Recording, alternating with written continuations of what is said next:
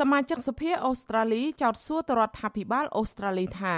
ហេតុអ្វីមិននិយាយអ្វីលើការចោទប្រកាន់អតីតសមាជិកសភាអូស្ត្រាលីថ្លែងក្នុងកិច្ចប្រជុំសភាថ្ងៃទី3កុម្ភៈលោក Julian Hill ថានេះជាការជ្រៀតជ្រែកពីបរទេសដែលឥតលាក់លៀមក្នុងប្រទេសអូស្ត្រាលីលោកបន្តទៀតថាសេរីភាពបញ្ចេញមតិនៅប្រទេសអូស្ត្រាលីកំពុងរងការគំរាមកំហែង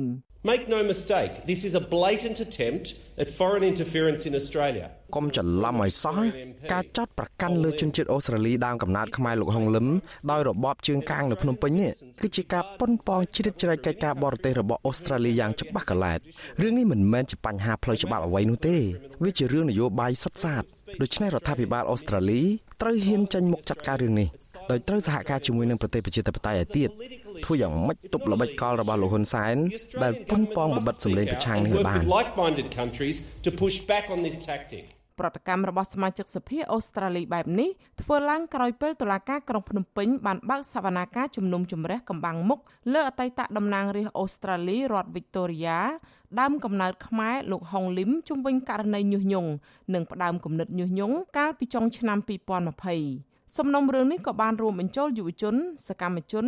និងសកម្មជនគណៈបកប្រឆាំងដែលសរុបទាំងអស់ចំនួន15នាក់លោកហុងលឹមឲ្យអាស៊ីសេរីដឹងថាក្នុងចំណោមអ្នកដែលរងការចោទប្រកាន់ទាំងនោះលោកធ្លាប់មានទំនាក់ទំនងជាមួយយុវជនខ្មែរថៅរៈដែលពួកគេធ្វើការងារសង្គមនិងបរិស្ថានលោកឲ្យដឹងទៀតថាដោយគ្រប់គ្រងនៅសកម្មភាពក្រមយុវជន លោកធ្លាប់ឧបត្ថម្ភថវិកាខ្លះដល់យុវជនខ្ញុំខ្ញុំមានបានជួបតាក់ទងជួយពួកក្មេងៗហ្នឹងពួកខ្មែរថៅរៈហ្នឹង ពួកខ្មែរថៅរៈខ្ញុំហ្នឹងគឺវាវាចិត្តដិតគ្នាណាណាហើយបានខ្ញុំអត់លុយខ្ញុំកាក់អីកប៉ិកកប៉ុកបន្តិចបន្តួចហ្នឹងលុយលុយមកពី3000មកហ្នឹង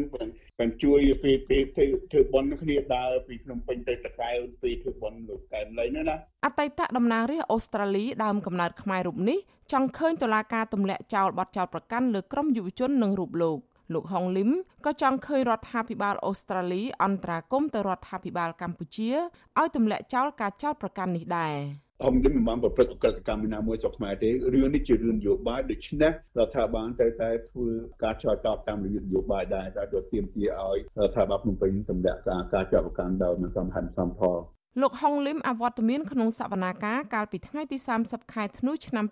2020ក្នុងពេលតុលាការបើកសវនាការព្រោះលោកមិនបានទទួលដីកាពីតុលាការហើយរដ្ឋាភិបាលកម្ពុជា បានហាមឃាត់លោកមិនឲ្យជន់ទឹកដីកម្ពុជាចៅក្រមសាលាដំបងរាជធានីភ្នំពេញបានលើកពេលជំនុំជម្រះករណីនេះទៅថ្ងៃក្រោយដោយមិនកំណត់ពេលជាក់លាក់ លោកហុងលឹមបានទាត់ចោលការចោទប្រកាន់ដោយចាត់ទុកថា ជាការចោទប្រកាន់គ្មានមូលដ្ឋាន និងមានលក្ខណៈនយោបាយលោកថារបបក្រុងភ្នំពេញគៀបសង្កត់លើអ្នកតស៊ូមតិជាពិសេសសកម្មជនវ័យក្មេងដែលពួកគេគ្រាន់តែបញ្ចេញមតិតាមលទ្ធិប្រជាធិបតេយ្យដែលធានាដោយរដ្ឋធម្មនុញ្ញនិងសិទ្ធិមនុស្សអន្តរជាតិ អ្នកនាំពាក្យគណៈបកប្រជាជនកម្ពុជាលោកសុកអេសានយល់ថាការលើកឡើងរបស់សមាជិកសភាអូស្ត្រាលីលើករណីនេះគ្រាន់តែជាវោហារសាស្ត្រនយោបាយអ្នកនាំពាក្យដដែលលើកឡើងថាតឡាការចោតប្រកាន់លោកហុងលឹមព្រោះអតីតសមាជិកសភាអូស្ត្រាលីរូបនេះនិយាយចូលជ្រៅឈានដល់បទល្មើស លោកសុកអេសានចំអកទៅលោកហុងលឹមថាពេលណាលោកហុងលឹមអំពាវនាវទៅរដ្ឋាភិបាលអូស្ត្រាលីដាក់ទណ្ឌកម្មលើរដ្ឋាភិបាលកម្ពុជាផ្ទុយទៅវិញរដ្ឋាភិបាលបែរជាផ្ដាល់អំណោយឲ្យកម្ពុជាទៅវិញ